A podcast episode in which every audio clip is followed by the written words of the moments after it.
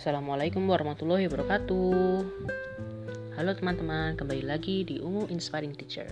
Nah, kali ini saya Dita Idatama akan membacakan sebuah karya dari salah satu teman kita, yaitu Mbak Via Aceng.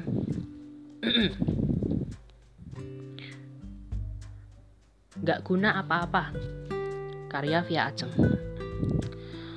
Saat ngerasa gak guna apa-apa, ibarat ngeliat titik hitam di antara putih Melihatnya yang lebih kelihatan aja, padahal masih ada putih yang luas penuh arti.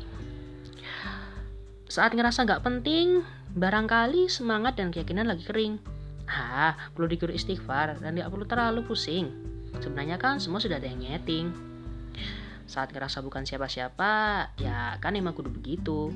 Karena memang diri ini sejatinya seorang hamba, merendah serendah-rendahnya.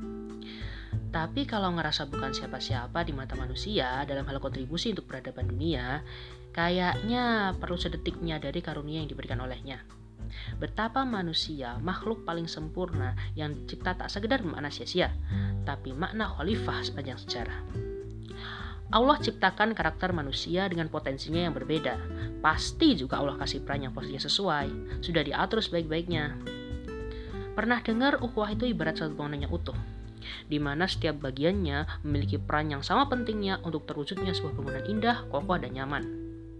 Ada yang sengaja ditaruh dalam ruang tamu, dipoles sedemikian cantik dan menarik agar pada tamu yang masuk merasa nyaman dengan adanya keindahan hiasan, nyamanan pandangan, dan keunikan yang ditampilkan.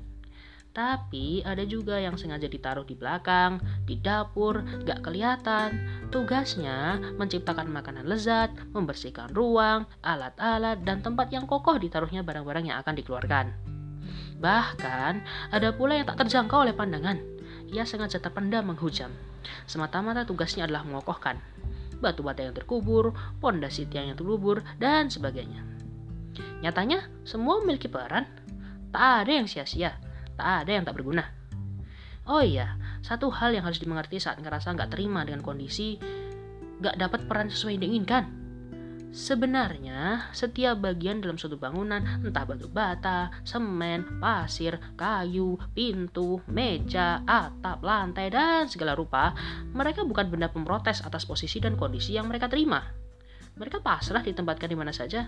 Apa iya, atap mau protes terus nggak terima jadi berubah jadi lantai? Kan enggak mereka pasrah terserah sama yang bikin rumah sama yang ngatur kalau manusia sudah ada yang maha mengatur bahkan yang maha menciptakan juga kan pastilah tahu mengapa diciptakan sedemikian rupa dengan karakter dan potensi demikian.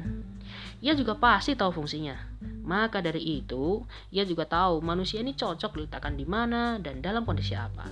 Nah, semata-mata agar manusia itu sesuai dengan maksud dan fungsi mereka diciptakan. Kalau semua sesuai dengan fungsi dan cara pakainya, pastilah akan baik-baik saja, tak bermasalah. Tapi kadang diri ini sering hilang kesadaran. Sering lupa kenapa dirinya ada di dunia. Dan sering ia tak merenungi kenapa ia ada di posisi itu. Kenapa dihadapkan dalam kondisi begitu dan begini. Masih suka sok tahu. Padahal semua udah ada yang nyeting. Biar apa? Biar pertunjukan dalam hidup ini berakhir indah khusnul khotimah. Yogyakarta 2020 Terima kasih teman-teman.